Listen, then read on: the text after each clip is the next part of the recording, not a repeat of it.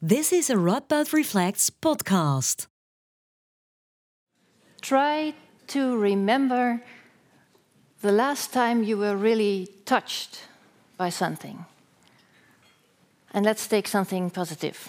I think we can all use that. Do you have something in mind?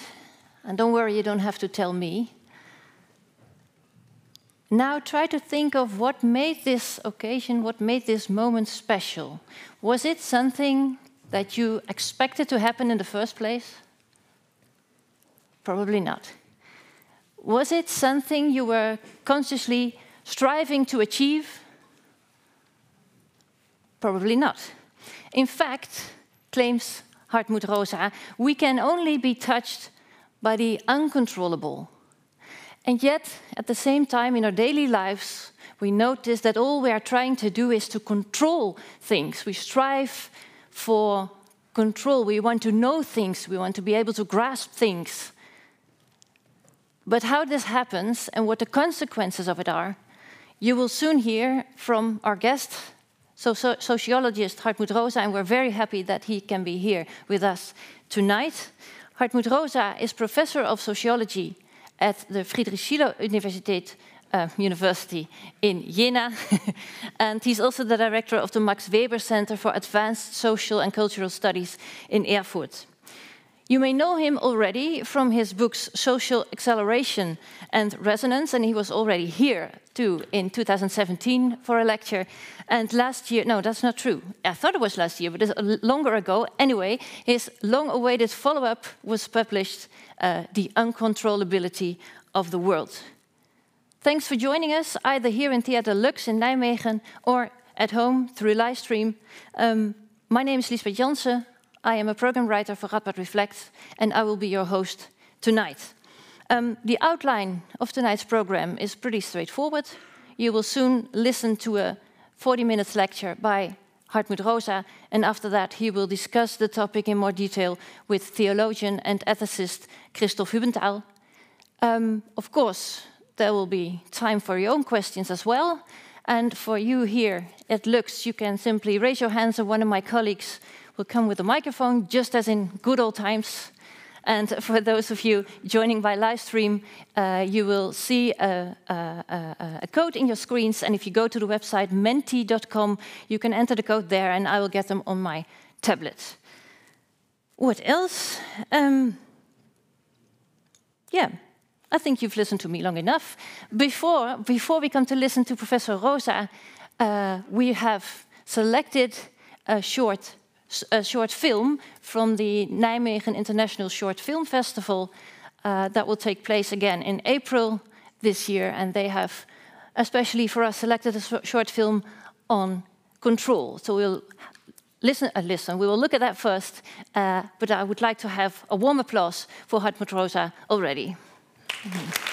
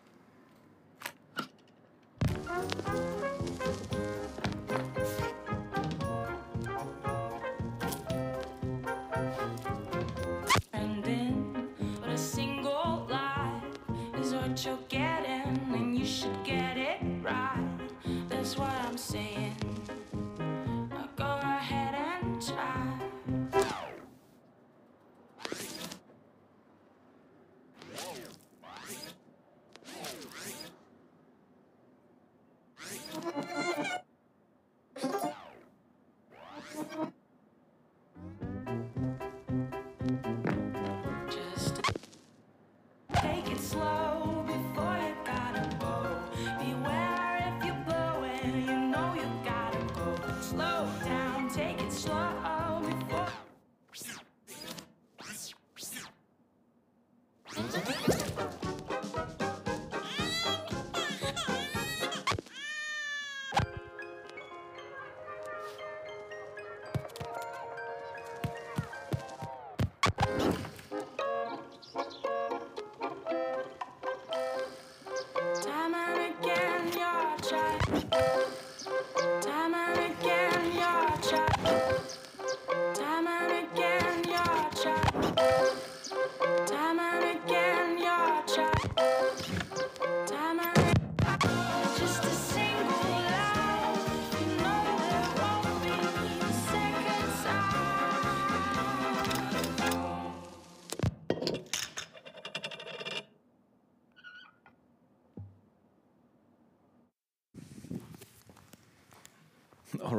Looks like a slightly brutal ending, but a quite uh, interesting film, right? About the soundtrack of our lives, maybe even.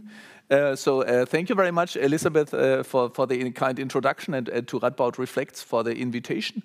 Uh, I'm very happy to, first of all, have a chance to talk to real people and not just to screens, right? And, uh, and also to be back in, in Nijmegen. As you said, I was here a few years ago. I have very good memories on also on the discussions, which I like very much. I always claim that I want to do a sociology, a form of sociology, which is not, which does not contain the idea that I bring my wisdom to the people, right? Because I mean, if you, if you think your wisdom or your your insights are created in the ivory tower, then probably the insights are not much not very valuable, right? I, I believe my, my, my, idea is of how we should do social sciences, social philosophy right? Uh, having a chance of interpreting the situation we are in, right? Making a suggestion as how we could understand our predicament, right? Our social situation and also our problems. But then you have to discuss it with audiences of all sorts, of all ages, and of all countries, and of all cultures, and of all disciplines. And then you gradually might reformulate your theories and your ideas. And I think we have to, I hope, and, and I want to do it together with people. I mean, that's, that's really what I want to do. I, I come up with an idea like resonance, and then I present it to all forms of people. And then I realize, oh, I forgot this aspect and, and I have that problem and uh, the other problem. So I think it's a collaborative effort and you never reach any end, right? So it goes on and on so, so it's beyond our control, right? And this is uh, uh this is uh, the, this is the topic uh, of um, what I want to present to you, and then also discuss with uh, Christoph Hübenthal and Elisabeth first, and with all of you. second, right? The uncontrollability of the world. I, believe that basically what I want to tell you is that uh, modernity is all about trying to. I think I have to stand here for the live stream, right? Otherwise, I create a problem. Normally, I always walk up and down. all right. So, um, so we try to, to bring the world under control. Elizabeth has al already um, uh, hinted at that. Uh, but in fact, it doesn't quite work that way. Uh, uh, in, in fact, I would even say it doesn't work for two reasons. One reason is that our attempt at gaining complete control over the world has led to the opposite the world is becoming and life is getting more and more uncontrollable, but uncontrollability of a bad sort, I would call it. So, so, so that's, that's a problem, right? And the other is that really when you think of what is a good life, I really believe a good life is to be in a kind of constant relationship, in a relationship of listening and answering. That's my basic idea. That's what I call resonance, right? Being in resonance, and you're only in resonance with something that is not completely under control, right? For example, you can be in resonance with a person, but only as long as you do not have complete command or control over him or her. If you're a boss or a general and your soldier or whatever it is, or your slave has to do exactly what you want, then you're not in resonance with him or her, right? And, and, and, and even if you, if you, whatever it is, if you're in complete control of something, you might have an instrumental relationship to it, but it's not resonance. So, so the middle voice, what I mean with the middle voice, I will tell you when we get there, right? Basically, I want to uh, move in the following steps. The first is that I that I want to develop this claim. I think I need to get my glasses first of all to see you, but also to see the screen here. So, uh, so the first step is my, I want to develop the idea that our, our, our um, desire for control or our urge for control is not just a cultural disposition, a yearning, or, or a feature of our, us, of our culture. It's a structural necessity, right? And it leads to a state of aggression towards the world, which has a, a lot of uh, problematic aspects, which uh, I try to write about in my book on acceleration. And then the second step as I already tried to suggest, is uh, uh that I want to, uh, to, to convince you uh, of the fact that, we, that our attempt to control the world has paradoxical results. Basically, the idea is we lose the world and we lose life, right? And we, we even destroy it, right? By our attempts um, to, to gain complete control. And then the question is, how could it be different you know, my, my, my resonance book, which is the big book, right? It, it, ends with an optimistic note saying that a different way, a different world is possible, a different form of living is possible. And the question is, what could this form of life be? And I claim it's, it's a form of life which is, at least to some degree, led in the middle voice. And the middle voice is a voice between the active and the passive. And as I said, we will come there uh, in due time. But I want to start by, by, giving you a kind of structural definition of our. I, I said, oh, I have to stand here. Uh, I said, I said, um, um, I want to kind of interpret the, the situation we are in as human beings in the 21st century. Right? It's it's, it's bad enough right now, as as, as you all know. Um, so the question is, how did we get here, and how can we characterize our society or a modern society? And as you know, there's a lot of in in in Nijmegen as elsewhere, a lot of discussion of what modernity is about, and it's a very problematic term. Some of my colleagues in sociology suggest that we should give up the term modernity altogether because it's value laden and, and it's ethnocentric, and there are many different modernities. The Indian modernity is different from the Japanese or the Chinese, and so on. But I claim I can give you a, a structural definition? And you can see it there on the screen. A society can be called modern when its mode of stabilization is dynamic, which means when it systematically requires material growth, technological acceleration, and cultural innovation to re reproduce its structure and to maintain an institutional status quo. That might sound technical and difficult, but it's very easy. You see it most easily in economic terms, right? I'm pretty sure it's the same in, in, in, in the Netherlands as it is in Germany or elsewhere in Europe or in, in, in, in even in, in Russia, in China, and in the US. Um, politicians and economists and so on, they claim that we need to achieve economic growth. And the interesting thing is that we do not need growth and by the way, we achieve growth through acceleration. And if we don't, if we don't grow, if an economy like in Japan for many years, if an economy doesn't grow, you need acceleration nevertheless. You even need more acceleration, which means you need to be the first and the fastest and so on in order to keep the number of jobs, etc. So what I want to say is our, our economy, if we start with that, can only maintain its structure what do I mean with structure? The number of jobs, the number of companies, and the strength of companies, and so on, and the whole economic fabric. And actually, by, with the economic fabric comes the old age pension schemes and the healthcare systems and the, and, and the cultural institutions like a university and so on. We can only maintain it if we grow year by year by year. Germany now has a new government, somehow supposed to be to the left of the older government. And all three parties insist that we need to keep, keep the growth engines fired and going. Right? We want to grow out of the crisis, they say. Right?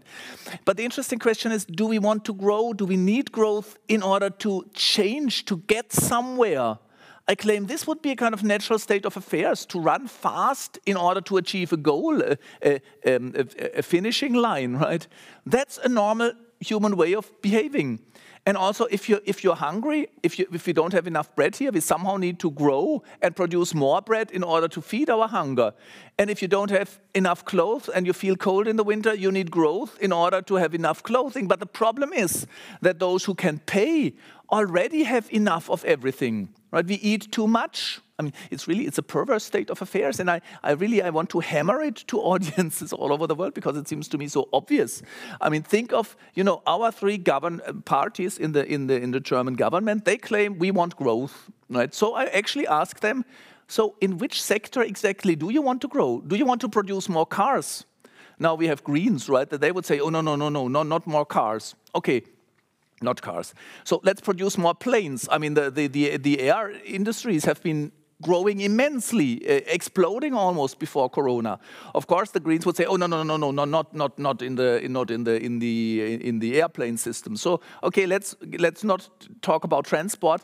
So, do you want to? So, what do you want to produce? More houses? I mean, the, you know, the building economy is very important. So they try to build more houses. All the companies working in the in the construction sector want to achieve growth. They need to achieve growth. Next year, build more houses than this year. But actually, that's not such a good idea. I'm not exactly sure about Holland or the Netherlands. I think you have the same problem as we have everywhere in Middle Europe. There's already not enough green spaces, right? So, so, so to permanently grow in the housing sector is not very good. So the government, so those parties will say, oh no, no, no, not in that sector. So I say, okay, not there. So where do you want to grow, right? In in clothing, do we have to change them even faster? We throw them away. All all of the clothes you wear, you probably throw away before they are worn out right? because they are out of fashion or so on.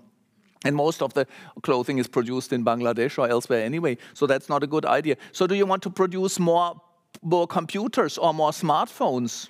Not such a good idea either. More weapons. This is the new hit, right? We will produce more weapons. Okay, uh, but but uh, but we could produce more food, for example. Actually, every sector in the economy wants to grow and needs growth in order to maintain what they have right? So, so we can produce more food, but those who can afford to buy it are already actually we are we are obese. We eat too much. Do you know how they achieve growth? They achieve it by, in, by introducing, by um, uh, inserting certain, uh, certain substances like enzymes. I have no enzyme, have no idea what that is in English. Enzyme, you understand that, right? Certain substances into the food in order to, in, you know, for, for what? In order to somehow stop the signal which is sent from the stomach to the brain. Normally, when you eat and you have enough, there's a signal from the, the stomach to the brain which says, You're full, stop it. Now they have found ways to somehow stop that signal so you keep eating even though you already have enough, right? So, I mean, that's, that's where we are as a society. You, you need to achieve growth next year. I'm, I, I don't know how much the gross domestic product of the Netherlands is, but no matter how big it is, next year you have to build more, buy more, construct more, fly more, use more computers, and so on. You have to exchange them faster and faster just to maintain the system. And I insist that this is a perverse state of affairs. It has never been like that in any culture or society we know of in human history. But I'm not saying that it's perverse to grow or to accelerate generally.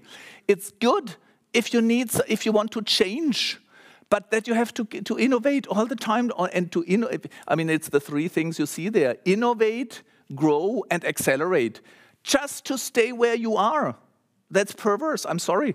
And you know, I mean, and, and, and, it's very interesting. When modernity, this is my definition of modernity, this logic, I call it dynamic stabilization. Maintain what you have by increasing, right? It comes to us through the logic of optimization. Everything has to be optimized, improved. Somehow it has to be made faster, more efficient, and so on. Um, no, I forgot what I wanted to say. Okay, I mean, this is the uh, this is the logic of, of, of, of, modern society, and I claim that this is um, this is uh, uh, uh deeply uh, problematic. Oh no, I, I, know what I wanted to say. It started in the 18th century, and you know, at that time, I really believe it, this. I call it modernity, the, the structural heart of modernity. But of course, it had a kind of cultural promise right? And of course, it's very obvious what this promise is. The idea was that this acceleration, growth, innovation was moving forward. It's connected to our conception of progress. I mean, it's so obvious, right? Yes, we can produce more food and more houses. And that means we can overcome hunger, hunger and scarcity and cold and so on. And also, through the progress of science, we will overcome ignorance and even through acceleration, we will overcome time scarcity. So, so, you know, you could see, you know, social research sometimes is very useful, and they could actually tell you that even in bad times, or at least apart from the very worst times, right, parents would all over the Western world or the modern world say, we work as hard as we can in order for our kids to have a better life and this was kind of propelling us forward, right? Our kids will have a better life. And what kind of better life is that? It's a life uh, which is in, in, which you don't have to struggle for your existence all the time, right? So accelerating, growing, innovating was moving forward. And now the problem is, we already, as I said, we already have enough houses and cars and clothes and computers and food and even drugs, right? But we still have to grow not in order to move forward, but to stay where we are. And while we run faster and faster each year, next year you have to run faster, no matter how fast you already are, you're not moving towards the new, the new horizon, right? You're running away from the abyss which coming from behind, which is unemployment, which is economic downfall, which is global disaster, climate change, and so on. So now the abyss is coming from behind, and you run faster and faster just to keep your place. That's a problematic situation. That's my take of the situation we are in. Nevertheless, my second claim is that we are not just the victims of this logic of acceleration, innovation, growth, of dynamic st stabilization. There's also an element of aspiration which is driving us, a cultural promise. Actually, I claim a conception of the good life, right? And this, uh, and this conception of the good life, I call the, I think I've put it somewhere down here, the triple A horizon of the good life. My claim is probably all of us, I simply claim it. And if you think I'm wrong, you just tell me afterwards. You say that's completely wrong, right? But I, but I really, I, I, I ask myself and others, when do you, what do you use the word good for? Good, something is good, right? So if in conversation you say, oh, that's really good, I'm pretty sure, I, I, believe I can, I can show, that most of the time Good means expanding something that expands the horizon of what is available, attainable, or accessible, or controllable. Control, controllability is my blanket term for this, basically, right? So, for example, if I tell you, oh, you know what, my salary has increased, I earn more money, probably a lot of people will say, oh, that's really good. So, why is it good, right? Because, because money, your bank account tells you what your share, your possible share of the world is, right? If you have a lot of money on your bank account, then you can afford flying to Rio or Chicago or Tokyo or whatever it is. I mean, apart from Corona and war and so on, right? Let's just go back to the world before 2020. So the bank account told you literally how much of the world was within your reach, right? If you have a lot of money on saved or you're on a bank account, then going for a shopping trip to New York is within reach, or going on holidays to the Maldives is within reach. And if you're extremely rich, like Bezos and Musk and all these other idiots, sorry to say, then you know you expand the horizon of what is available to you to outer space. That's what they actually do, right? They, they really want to bring within the, the within the they want to convince yourself. Now we can even go to outer space. That's good. Apparently, that's good for them. Other, otherwise, they wouldn't do it, right? But it's not just in physical, in, in, in, in geographical or territorial um, um, uh, um, um, scales that increasing the horizon of availability is good. It's in all forms, right? For example, I mean, why do most people want to live in big cities rather than small cities? If you ask youngsters, I mean, maybe small cities are okay. A city like Nijmegen certainly has its charm, right? Jena is even smaller, but also nice. but people, young people certainly don't want to live in a village why not? I come from a village and all our youngsters run away. And why? Or they will tell you, oh, when I go to Amsterdam, for example, right? There are all the museums, there's the opera, the theaters, the, I don't know what else, the cinemas and so on. They might never go to the opera or the theater or the museum or the zoo. But it's available, it's attainable on an everyday reach, right? Or why is why is a smartphone so irresistible, right? All the time we are, and it's not just the young, right? Also the old, we are all the time. I mean, it's amazing. If we were aliens watching us, you think we would really think it's a new disease, right? So why is this so attractive? It's obvious because you know I have now all the world available in my pocket. All the music that was ever recorded is just two clicks away and all the knowledge which is in Wikipedia so, just two clicks away. And all my friends, and even my enemies, unfortunately, are just two clicks away, right? So we have made the world available, attainable, accessible. So my claim here is it's our conception of the good and of the good life. Life is good when the horizon of what you can attain, access, make available is increasing, right? So and, and this kind of runs together in a, in, a, in a logic of controllability. We want to bring the world within reach, make it controllable. I want, you know, in, in, in, in like, I want to have an internet connection. Why? Because then I can bring the world home, right? And I want to have the chance to go to other places, right? I mean, for example, there's a cruise.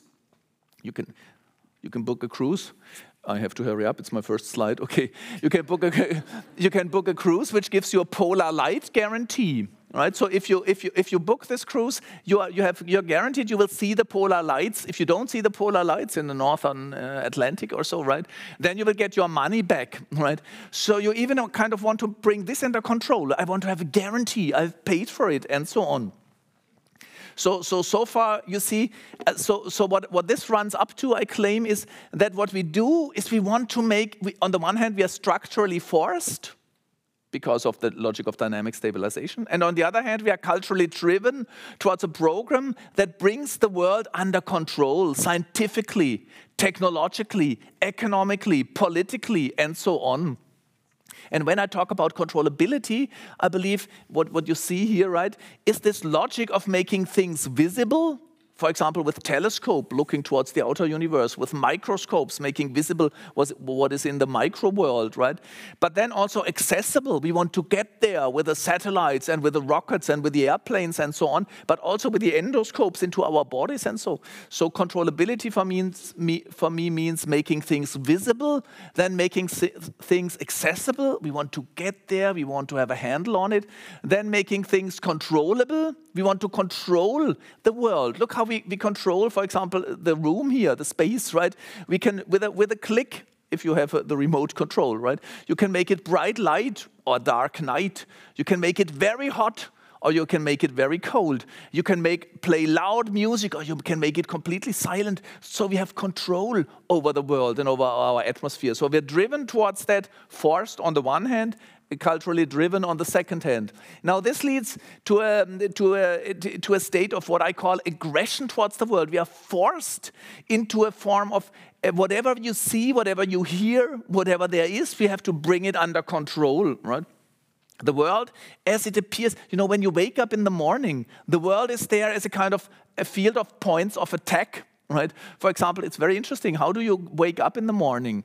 Not because the sun comes up, for example, right? Not because you slept enough, but because your alarm clock is alarming you, right? I mean, it's interesting that we call it alarm clock. So you jump out of bed, I have to get ready, right, in order to fetch the bus or whatever it is that you have to do, right? So and then you and then you encounter your to-do list, and the to-do list is your points of attack, right? I have to write that message, I have to call, call, that person, I have to read that essay or whatever it is. So it's a number of things which you have to to bring under control, right? To uh, uh, to uh, to get done. So the world or reality is experienced as a field of resistance also. I think I'll leave it at this. I mean, if whoever wants to have it can, can get the slides. We put it on the desktop there, right? But the, the claim is the modernity is a form of relating to the world, which is, on the one hand, declaring spiritual independence, which means it should not be nature who tells us what to do. It should not be history who tells us what to do. It's us who decide. We bring nature and history and whatever there is under our control and then we decide. So it's the lot, the paradigm of sovereignty and autonomy are the kind of the cultural equivalents to this. Have I done something wrong? Oh, I have done something wrong. okay, no, okay. Now, my, now, now the interesting, now I come to the flip side, right? And my claim is that this program of making the world available, attainable, accessible, controllable doesn't quite deliver its promise. In fact, it leads to the opposite. And I find this really interesting. It's kind of the one of the last good, I believe it's a good idea, right? I had that I really think our way of being in the world is permanently kind of flipping back and forth between, on the one hand, a promise of omnipotence, you can do everything, and on the other hand, the experience of powerlessness, I can do nothing. Right? And what do I mean here? You know, I think the paradigm case when I came up with this idea was when I was reading a kind of a, a, a piece by Oppenheimer, who who, man, who, who managed to split the atom, right? Nuclear fission, right? Uh, so so to speak, uh, splitting the atom, he said, is makes us somehow almost godlike, and I completely understand it. I share this idea with him. He says now we are at the inside of matter. We can control matter from the inside, the atom, right? This is a kind of experience of almost omnipotence, right? Now we are inside the heart of matter. But the, but the problem was that this gave us an experience of extreme powerlessness with a nuclear explosion, be it a power plant or be it a bomb, right? So my claim is that on the one hand, this feeling of act active omnipotence created the, the counter sense of extreme powerlessness. And it's the same basically on, a, on, a, on another scale with our relationship towards nature. We have come to really control and dominate nature on so many levels of our lives. As I just said, we decide whether it's bright light or dark night or hot or cold. So we, we, do, we are dominating nature. But the problem is thereby we feel co completely powerless in, uh, in face of the climate disaster which is coming, which is uh, uh, around the door, right? So our experience of omnipotence is somehow turning around and we feel totally powerless in face of the heat and the dearth and the tsunami and, uh, and the water rising and so on, right? So again, there, there's a kind of omnipotence, we control nature. And then there is this kind of uh, the opposite, feeling totally powerless. And I believe the problem of democracy we have in our societies, right, is, is directly related to this because, you know, you know, this logic of control has a political side, right? It's the promise uh, pop of popular sovereignty, right? At the heart of democracy, and I think it's good, I don't want to criticize that, is the idea that all the power rests with the people, it rests with us, right? Popular sovereignty says all the, all the power rests with the people omnipotence. But the experience of people in our society is that they can't do anything, right? Theoretically, we can democratically control and steer the world, but practically, practically, unfortunately, there are the military powers and the financial markets and, and the logic of whatever. We can't do anything. And I believe right-wing populism is a kind of reaction to this because the right-wing populist leaders kind of, you know, like in Brexit, you know what the Brexit slogan was? take back control, right? Live up to the promise of having control over your life. But I believe in the political realm, there's also this kind of going back and forth. On the one hand, we are promised omnipotence. On the, other hand, people experience extreme political powerlessness. But the most, another very interesting case, you know, there you can really feel it in your own body. I mean, there's a, a, number of interesting empirical research on this. With a remote control in your smart home or in your car, you're kind of omnipotent. I, have said it now already two times. Okay, uh, all good things are three times. So once again, I'm omnipotent. I can make it hot or cold or bright light, dark night, loud and, and, and soft and so on until the remote control fails or something in technologically is wrong. And then I cannot turn off the music anymore, right? I, I cannot turn down the heat. Or for example, I got locked in my car once, right? Because of all the safety, I want to have everything under control. Unfortunately, you could not go out. And you know, I, I, I could not go out, right? Sometimes you can't get in and sometimes you can't get out. And what is very interesting is that the experience of powerlessness there is so brutal. You know, I mean, the world has always been resistant, but normally when a door locks or so, you somehow try to use more force, or you might even take a, a hammer or so, right? Or some, some tools but in this modern world, you know, the problem is the handle goes down very easily. There's absolutely no resistance, but the door would still not move. And there is nothing I can do, absolutely nothing. I mean, it's the same with the computer, right? If the remote, you know, as I said, I'm omnipotent, right? All my friends two clicks away, all the music two clicks away, until this thing for some reason is uh, kind of breaking down. And then it says, just a moment, please, just a moment, please, for hours, right? And there's absolutely nothing I can do. And this feeling of powerlessness is very interesting. I, I, believe it produces our, the anger which is in the world. There's a lot of anger. And this anger is coming from this very, very delicate, delicate a fragile way of relating to the world. My own, my physical powers, my grip, my tool, what I can do with my body is kind of completely, it's, it's without any efficacy in this world, right? So I'm, so, uh, so I, I, leave this, I leave this. I mean, of course, I mean, you know, my, my book on uncontrollability ends with something, of course, it was kind of, you can say, good luck because it ends with the, the last chapter in that book is uh, uh, it, it's not yet in Dutch, but it will come out in, in, I think in September or so. And the last chapter says the return of uncontrollability in the form of a monster. Right, and of course, th those are the monsters on the right hand. But I mean, the, we see a lot of monsters in recent times. I find this really fascinating. In in in the, you know, if you think of pre 2016, people in, the, in, in Holland or in, in the Netherlands or in Germany somehow felt that they are kind of living in a predictable world, in a controllable world, right? Controllable and predictable is very close. And then, now, and then we had to suffer quite a number of shocks, right? I mean, one shock was that something like Trump was possible, right? All of a sudden, our political world seemed to be very shaky, right? And then the Brits decided to leave the EU, and no one would have thought of this that the EU was not becoming more and more solid, unified, and bigger, but somehow breaking apart, right? And then, of course, uh, COVID came along? And you could not even, you know, the, the, the, horizon of availability and accessibility and attainability overnight, it, it, was within a few days, it shrank to your home when you were in lockdown, right? What is available and attainable and accessible to you are just a few yards around your house, and that's it. So this is really a shock to a world which tries to control and expand the horizon of everything. And now even war is coming back. And by the way, also the financial markets in 2008, right? They proved to be monsters of uncontrollability. No one can control the financial markets anymore. So, so my claim is right that the, our program of controlling the world is failing because it produces monstrous forms of non-controllability people don't have control over their lives. You even see it on an everyday level, right? I mean, when, when kids get their high school diploma, right, the grown-ups would tell them, oh, now you're really lucky and happy. The world is open to you, right? The world is within your reach. And in fact, if you talk to high school kids, they are mortally afraid because, for example, in Germany, they have 19,549 different courses of study to select from. And now, you know, and all the, the, the, the, clever coaches tell them, oh, you have to carefully decide what you want and what you need and what you can do. And then you have to find the right program and to match it. And then you have a good life. It's totally impossible to do this, right? No one knows exactly what his or her needs and desires and, and cap cap capabilities are. And it's impossible to find the right course out of 19,900. So I really always try to tell my students, the freshmen in particular, probably they are no longer called freshmen, the first year students, right?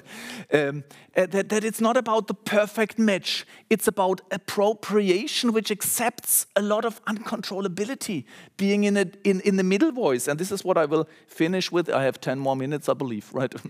okay. Uh, I mean, what is th this is the idea of the middle voice. I will, I will abbreviate it. You know, what I wanted to say with the omnipotence and the powerlessness is, I believe, connected to, the, to our language even, European languages, right? We only know the active mode, I am in control, so to speak, right? Or the passive mode, I am controlled. Or I throw something or I am thrown, to use a philosophical concept, right? It's active or passive. I'm the subject of something happening or the object of it. But the most interesting things, the experiences which you value most, are when you cannot tell whether you are active or passive because you are in between. Right? And to abbreviate it, my favorite example here, we discussed it over lunch or over dinner, over dinner, right? Is for example in a dance, in a, you know this famous Yeats quote, who can tell the dancer, who dare tell, who can tell the dancer from the dance? And I interpreted it this way. You know, normally when you dance, for example, you're a couple dancing, then one is giving the lead and the other is kind of following, right? And then it might turn around and the first person is giving the, or the second person is giving the lead and the first person is uh, kind of reacting to it. But at the moment when the dance is at its, at its climax, at the height, you cannot tell whether you're leading or whether you are led right? It's in between. And that's what Yeats in his, in, in his poem means, right? The dance is kind of dancing the dancers. It's even producing the dancers. And a lot of people making music know this experience. And by the way, also people doing sports, like in a soccer game, when you no longer can tell whether you're reacting to a movement or where you're initiating it, right? Those are moments of of medio passivity, right? A medio passive is a, is a language term, linguistic term, which means a mode which is in between the active and the passive. And we have it, if we can some, sometimes like it, it snows, right? We say, right, it snows. My book starts with snowfall, right? Uh, it snows is a kind of medio passive thing because you don't know who is snowing and who is snowed to. No, you cannot tell it, right? It snows is a kind of medio passive. And in the Bible or so, you have it when, or in, in old, um, in old um, fairy tales, there you often find the sentence, and it just so happened. It happened, right? So there is not a, a doer and a done to but it's kind of unfolding doing. And now I claim those are the happiest moments in your life, like all of a sudden it starts to snow, right, for example. Or you, when you listen to music, by the way, it's very hard to tell whether this is an active or a passive thing. I mean, think of it. You listen to beautiful music. Is it active or is it passive? It's very hard to say. I find English language is better than German there. In German, we only have hören. But in English, I would say there is the listening, which is somehow active. I'm listening.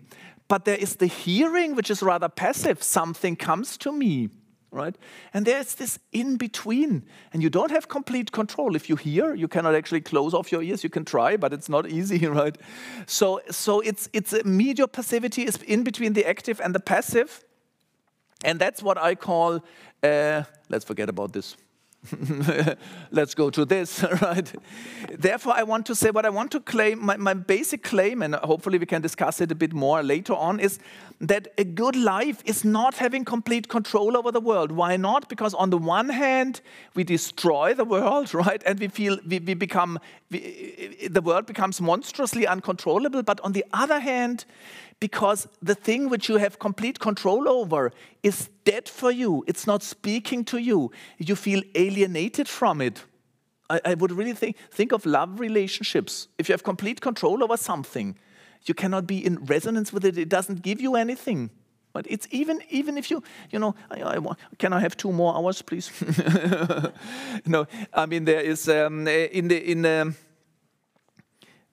I have two examples. I can't decide which one to use. Okay, I go back to my cat, right? I mean, I mean, you know, I mean, if you, a lot of you, a lot of you probably have at home a cat or a dog, right? A pet, maybe another pet, but I, I, I know cats and dogs, right? And why are they valuable to us, for example, right? Because I claim because we have some control over them, but not complete control over them, right? You have a when the cat comes to you, the, when you come home, for example, the cat comes and it will purr and it will sneak around your legs and so on, and it wants to be caressed and so on. But sometimes it's in a bad mood, so it won't purr. And sometimes it's even in a worse mood. It will actually lash out and hit me, right? And it's this element of uncontrollability of its own agency that I value most. Because otherwise, you know, a cat has some bad sides. As I said, sometimes it hits me quite badly. And sometimes it would be sick and so on. So why not have a robot cat who would purr every time you come home, right? Of course, you know that somehow would be do the trick. So I thought, okay, let's let's program or let's assume a robot cat uh, which some, which, with, some random function, right? So the, the robot cat would come most of the times I come home, but sometimes it wouldn't come. It's a random function, right? But still, I, I mean, actually, it wouldn't give me anything, right? I would say, okay, today the, the, the, pro, the, the program is such that it doesn't come. So I thought, okay, but maybe we can come up with a more clever robot cat. A cat that learns and it reacts to me, right? Artificial intelligence, I, I know, in, I think in Nijmegen you have a program of this and in Groningen also, right? They can kind of have learning robots. So the robot would, the robot cat would react to me. And wouldn't that be resonance, listening and answering? And I think if I had a cat like this, I would try to find out which of my actions would trigger what kind of response right? So that's not resonance. Resonance, what I will define in a minute, requires that you are in contact with something that you cannot completely control. Another example here is I have to speed up. I, I, mean, I, I wrote on acceleration, right? you know, I mean, it's even if you if you have plants at your home, right? Why don't you have a plastic plant, right? You can have the plastic plant blossom all the time, right? And it can have exactly the shape you want it to be in. But if you have a real flower, it's beyond control. Sometimes it would die, sometimes it would not produce blossoms and so on. And that's exactly it, right? You're in contact with something that has a voice of its own, so to speak, right? And this, I believe, is happiness. And this is what we have forgotten as a culture and as individuals. So what we need is resonance, and resonance is exactly the third voice, and it has four elements, right? Resonance is not an emotional state. Resonance is a form of relationship, and it has four elements. Something speaks to me, something touches me, right? Something addresses me. So, you know, when you are in an everyday mode of working on your, on your to do list, on, on, on the list of aggression, points of aggression, right? Then, then you're kind of, we are close to the world. And then all of a sudden, you hear a music, or you see a face, or a sunset, or you read something. It can, can, it can be within your work task, but nevertheless, all of a sudden, our armor is kind of broken. There's a crack in everything, right? And something gets through and touches us. You can see it when you when you give a talk or a discussion. You can see at some points, oh, there is a point of resonance because actually the eyes of the listeners, if, if you're in a classroom, most kids would sit there, right, sleeping, bored on their cell phones, or, or, or outright hostile, right? but all of a sudden there's kind of resonance, and you see all the eyes kind of interacting, right? They're listening, and it's not just li listening is the first moment, right? Something speaks to me. The second element is you respond to it. You respond to it physically. You open up, but you also respond by some, something is happening within you. You start to think, and this thinking might be not agreeing, rejecting, right? Disagreeing. So resonance is not complete agreement. Resonance is a reaction where you feel that's the second element, self-efficacy. I can react to it and do something with this thing. But, but, but so, so that's resonance, something going back and forth, like in the dance. I'm sometimes leading, I'm sometimes led, and, it, and the new is kind of created in between right? For example, in a discussion, which we will have in a few minutes, in, in, in two minutes, I'm done, I swear, right? Uh, so the new, so I can deliver a, speak, a speech as I always deliver, then there's no resonance. And maybe you ask questions you always ask, there's no question, no resonance either. But maybe all of a sudden you ask something and, you, and someone responds and another one comes up with an idea he or she never had before, and then the new is born. That's what Hannah Arendt calls nat natality, right? The new is born out of moments of resonance which are not under our control, not predictable and bought and paid for, and with a, it's not coming with a kind of judicial um, uh, claim or so. And if this happens, we are transformed, right? If we have a resonant discussion, then when we leave the room, we somehow think differently of the world and of ourselves. It does not have to be dramatic. Sometimes it's dramatic, but sometimes it's only a tiny new thought we have right? But, but resonance is a kind of transforming us, and I believe this is what we are desiring, what we are yearning for, this moment of being touched, responding, and being transformed. But the problem is, as I said, and this is why the book is called Uncontrollability, or another term for the German term is Unverfügbarkeit. You cannot translate this, right?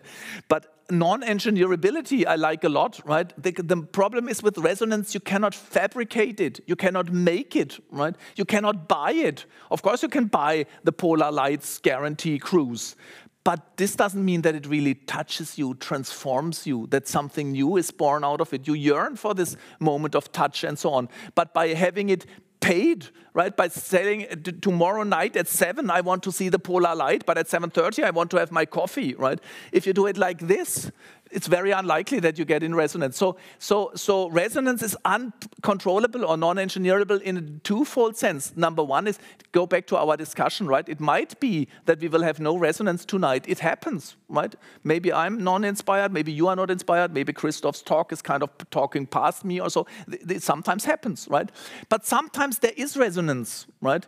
But the interesting thing is that absolutely no one, absolutely no one could predict where it happens tonight and when it happens, what the thought will be that is triggered by what kind of interaction. Right? So I really believe resonance is, is essentially non-predictable it might happen, but what, but what, what the result will be if, if we manage to somehow create a discussion between us, no one can predict. So resonance, as the I would claim as the real core of the good life, is in its essence uncontrollable. And if you want to make the world completely controllable, we, we, we produce monsters of uncontrollability and monstrous unhappiness. And I think that's what I wanted to say. Thank you very much, and sorry for being too long.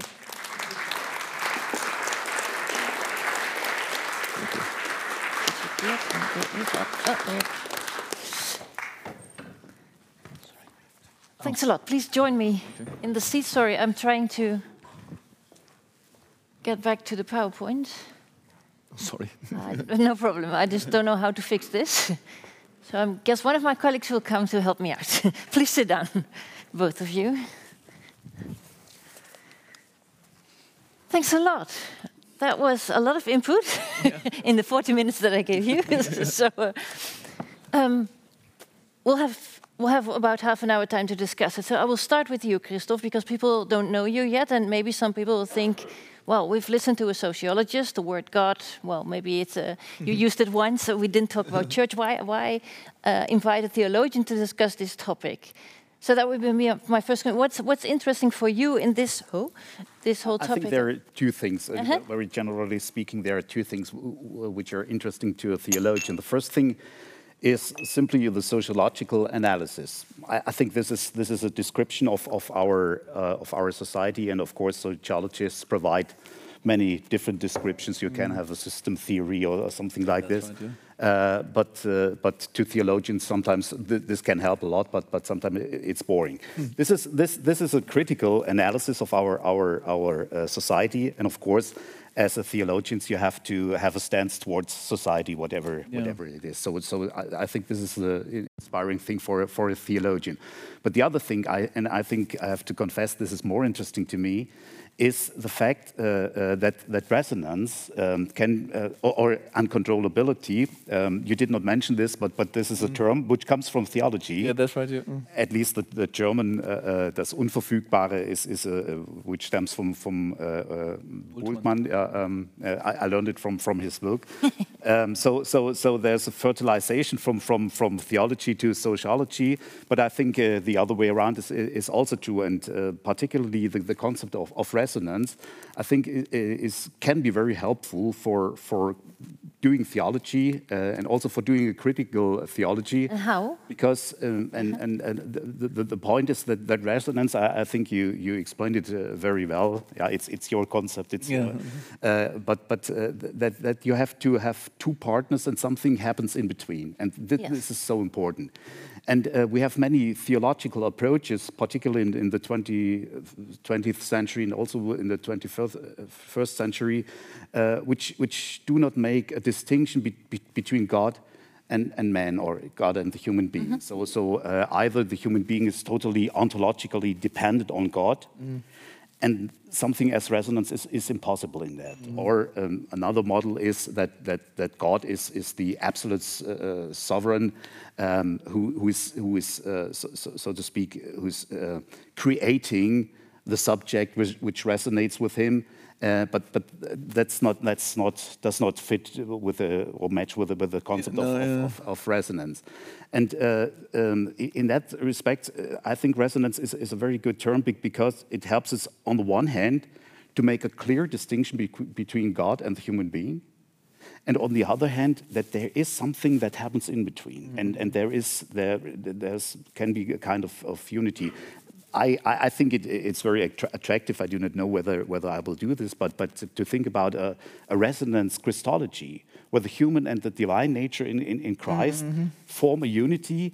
At the same time, they, they are separable or they're distinguishable uh, entities. So, and that's that's that's uh, more attractive to a theologian, even though I also appreciate, of course, the, the sociological analysis. And, but what would it mean? What would the consequences be if you would use this type of theology? If you would look at God and man being in resonance with yeah. each other? What would happen? What would change? I, I think uh, in, in, in, your book, uh, you say at a certain concept and at a certain uh, place, you, you say um, that you think that the Judeo-Christian tradition is about resonance. Yes.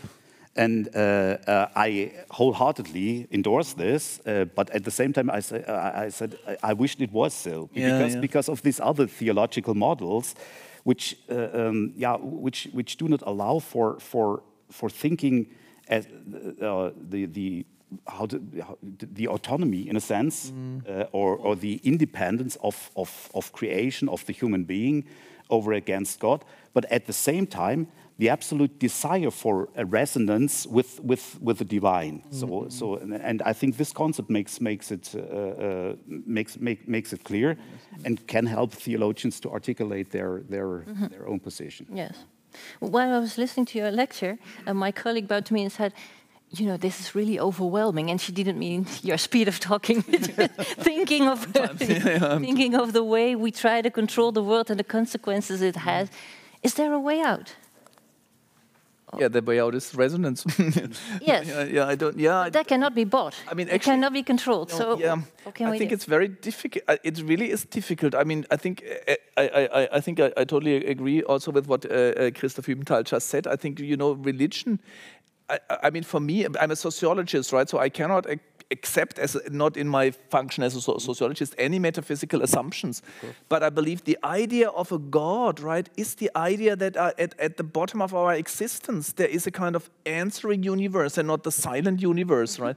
And i believe people need this experience somehow right of um, of, of being connected. I mean, I found it very interesting as a sociologist when I asked myself, what are people doing when they pray, for example, right?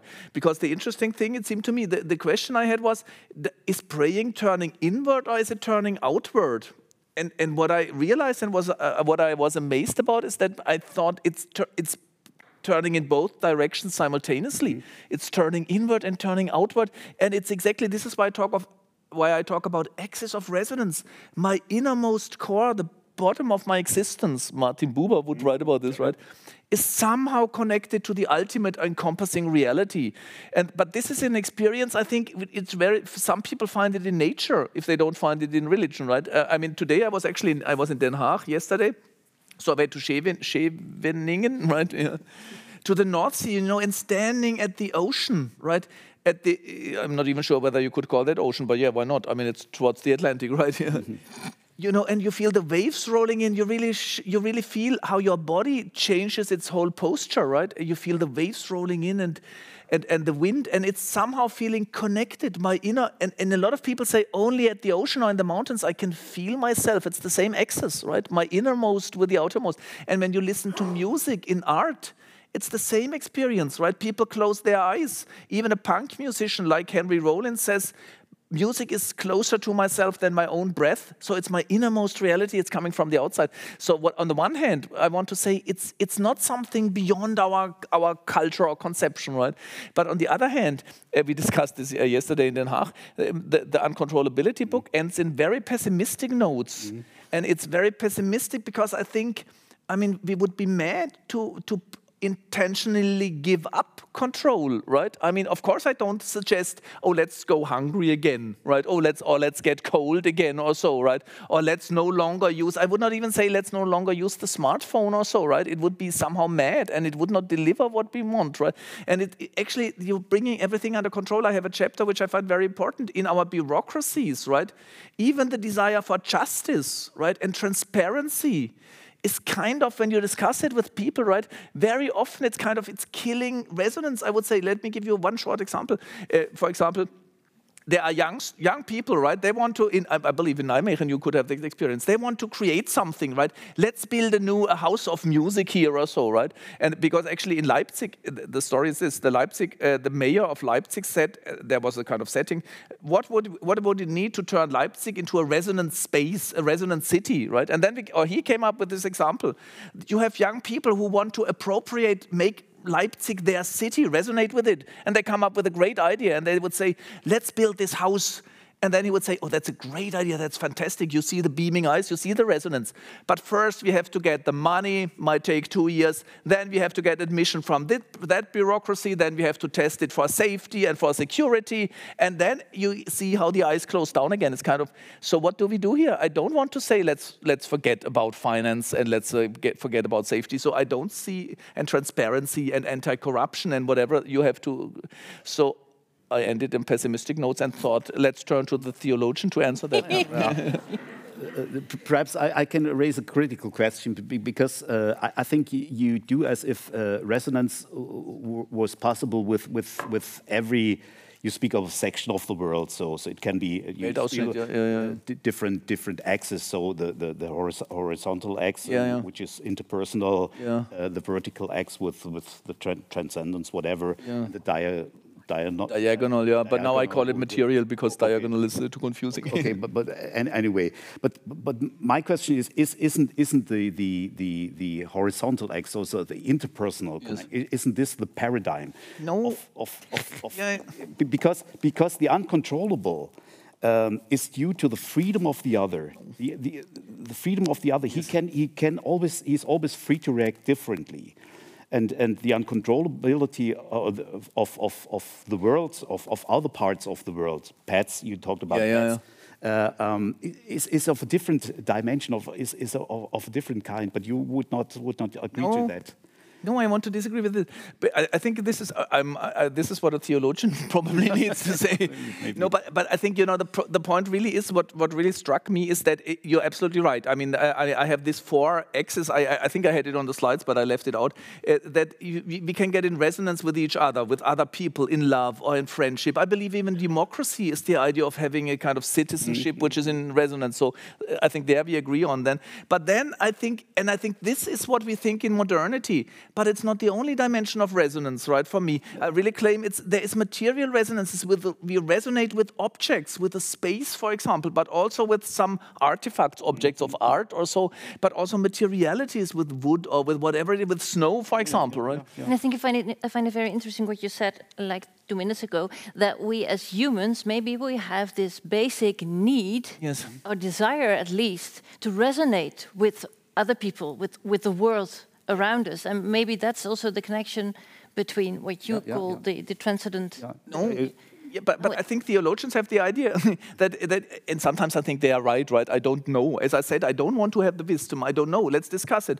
But I think there is a tendency in theology and in modernity to think that the only resonant thing is other human beings and the rest of the world is silent and dead. Mm -hmm. So we have to bring it under our control. I mean, that's what Latour in this Colossae, right? It, it, modern beings are the only beings who live in a totally silent universe. And, and if you could turn to poetry, for example, Walter Benjamin or Rilke or so, right? They, they remind you, and you see it with children, of course, who live in an animated world.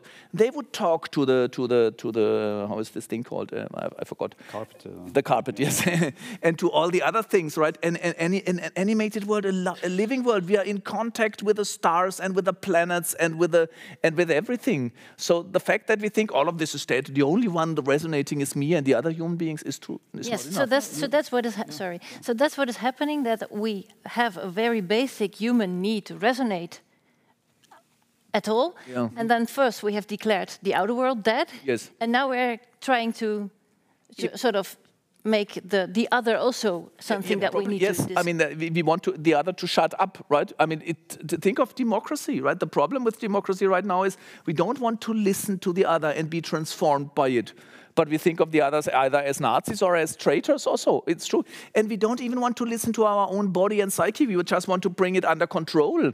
All right, I want to be able to sleep immediately in the evening and I want to wake up immediately in the morning and I want to have a, my, my heart pressure at the, or my heartbeat at the right rate and my blood pressure at the right rate and everything. And even my, you know, I want to have my, my eyes different, so I go to the doctor and, and, and so on. So it's really, we, we, are, we are dislearning being in resonance with anything. Mm -hmm. but, but, mm-hmm. sorry, you but, but I, think uh, you, you, are right. This is the kind of disenchantment of, of, of, of modernity, so yeah. that, we, that we resonate, if, if at all, uh, only with, with other human beings. Uh, but but but the rest of, of the world. But but this is not what I wanted to say. So yes, I, yes, so yes. I I uh, fully agree that that yeah. that it's possible to to resonate with the sunset or with with with music yeah, or yeah, whatever. But but uh, the question is uh, if if you the, the the metaphors you use to describe resonance always presuppose some some kind of, of agency uh, uh um, yes. behind. So yes. something speaks to yes. me. Yes.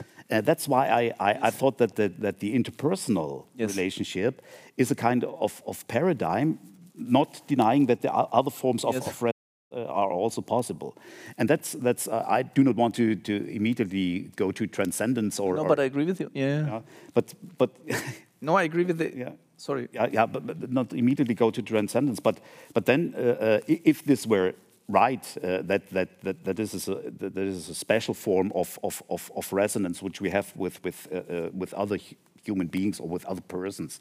Um, then uh, you speak about the, the, the, the, desire for, for the uncontrollable. Yeah. Then, then, then we could say that we perhaps have a desire to resonate with something which we cannot, uh, uh, which we cannot uh, describe or which we, we, we mm. have uh, um, not access in that kind. Of course, it must be accessible, so it be, can, cannot be the, the, the, the absolute uh, hidden God or, or whatever. Yeah, yeah.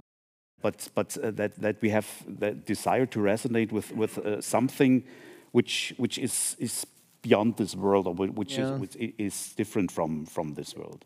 yeah. Oh, that's interesting. So we need to. We, you're saying we, we have a, a, desire to resonate with things that are within this world, so sunset yeah, yeah. or no, people, no, no, and maybe we also have a, a, another uh, desire to resonate with that, something that, that, that we cannot that the, we cannot control yeah, because it's of course, of course, we cannot control. No, the, but yeah. this is the problem. I, I think that's wrong.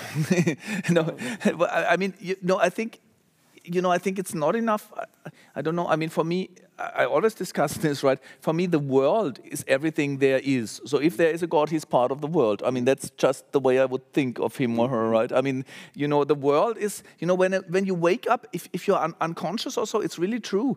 If you wake up out of unconsciousness or out of deep sleep, before you know that who you are and even that you are. That's what merleau-ponty says. He says something is there. Something is mm-hmm. present. Is the first moment of our consciousness. And only later on i realize oh that's me. And who am i? Oh yeah. Sometimes yeah, you don't yeah. know and you don't know where you are and so on. And then sh- then the world takes shape but this separation between me and the world already is a kind of secondary step right? Mm-hmm. So i think if there is a god for me he's part of the world. He's part of what is there waiting for me when i wake up right? Either within me or outside of me i find this very strange this dualism that on the one hand there's a world and then there's something beyond the world Th- th- i mean it can be a different world but it's still part of the world for me but you know to think that resonance is only possible with the thing beyond the world, while within the world everything is dead and under control. I think that's exactly no, the mistake we, we made. Okay, okay, let's let's get out of this very theoretical discussion, um, and let's get to something very concrete. uh, because when I when Can I make one- Yes, one- one. I'm sorry, to make I'm, sure. I'm sure. non-disciplined, Sure, but I, but I totally agree with you.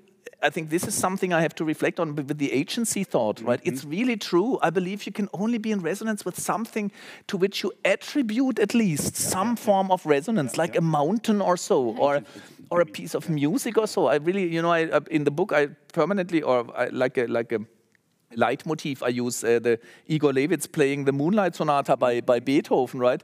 And there he, he experiences this Moonlight Sonata as somehow always d- beyond my control. I cannot really get it under control. And now we think, oh, it's Beethoven, but maybe it's not Beethoven because in the sonata there's something of his time and something of the logic of Western music and so mm-hmm. on, and something of music generally. So he, there is a kind of agency for him in, in the sonata. So I, I agree with the agency mm-hmm, aspect. Mm-hmm. Sorry. No, no, no. uh, I just I wanted to ask because before today, when I spoke to people about you coming here and giving a lecture about uncontrollability and how, you know, this is something we are losing and we need to get it back, and people said, well, there's a war in Ukraine. If there's something that's uncontrollable, then it's something like that. Can we still speak of uncontrollability as something positive? Yeah, I mean, yeah, I think we, we can. I mean, because uh, but that's, I mean, the war in the Ukraine is the monster of uncontrollability. I mean, that's mm. what I. It's really true. I mean, I'm not, I'm not praising uncontrollability per se. Mm-hmm. That would, as I said, that would just be stupid, right? So, mm-hmm. like, like, let's not defend against wars or a, against disease because that's uncontrollable. That would be wrong, right? So, I distinguish my claim in, in the book is that we have to actually. I think you can only be in resonance with something that is and, and then I did not come up with a good term. I mean, it's either half controllable, maybe you could say, right, or reachable. But you know, think of a love, a love relationship. On the one hand, I mean, a war can never be.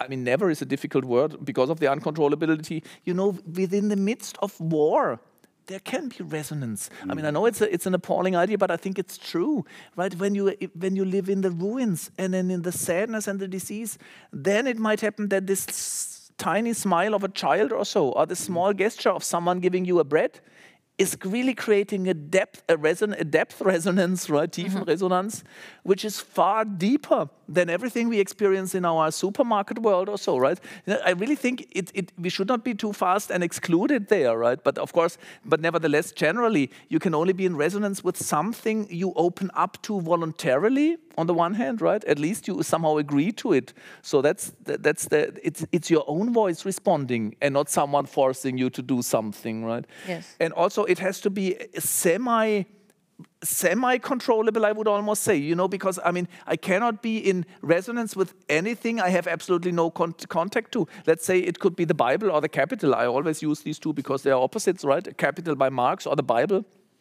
I can be, a lot of people are in resonance with both books, right?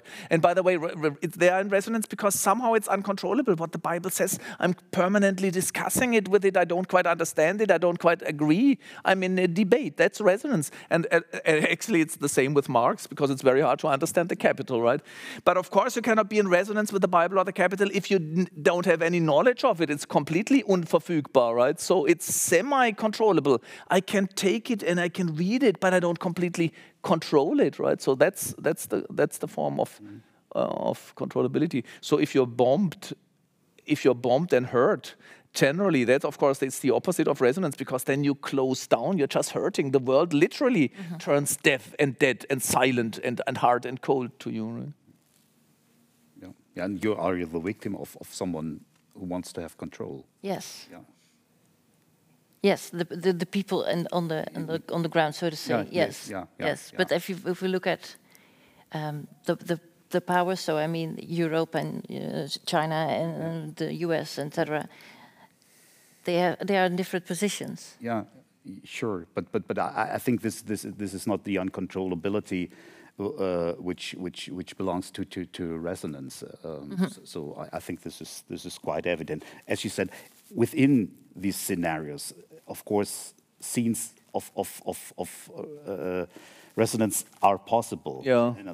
But Yesterday on, on, TV, yeah. there was there was a Ukraine girl. There was was a report from from the Ukraine, and there was a little girl singing. Mm -hmm. uh, yeah, yeah. It, it, was it was really touching. Yeah, maybe that's that's that's something that but um, yeah, yeah, yeah. Yeah I, I would agree. There are small elements yeah, yeah. kind of incidences of resonance but the problem is what I when I when I talk about modernity in the way I just did I think I make a mistake because it sounds like modernity is just destroying resonance and I think that's too easy. Mm-hmm. that's actually what I wanted to say first when I started to write the resonance book mm and then I realized how stupid that is because modernity has also provided spaces for resonance right? Giving people freedom to develop their own voice mm -hmm. right for example, women or so, right? It's not, I mean, for a long time in, in, in cultural history, and in some cases still today, they are not allowed to speak their own voice to find their frequency in whatever it is in terms of, so modernity has created spaces where you can find your own form of belief, right? Your mm own form of profession or your own form of loving, for example, if you, if you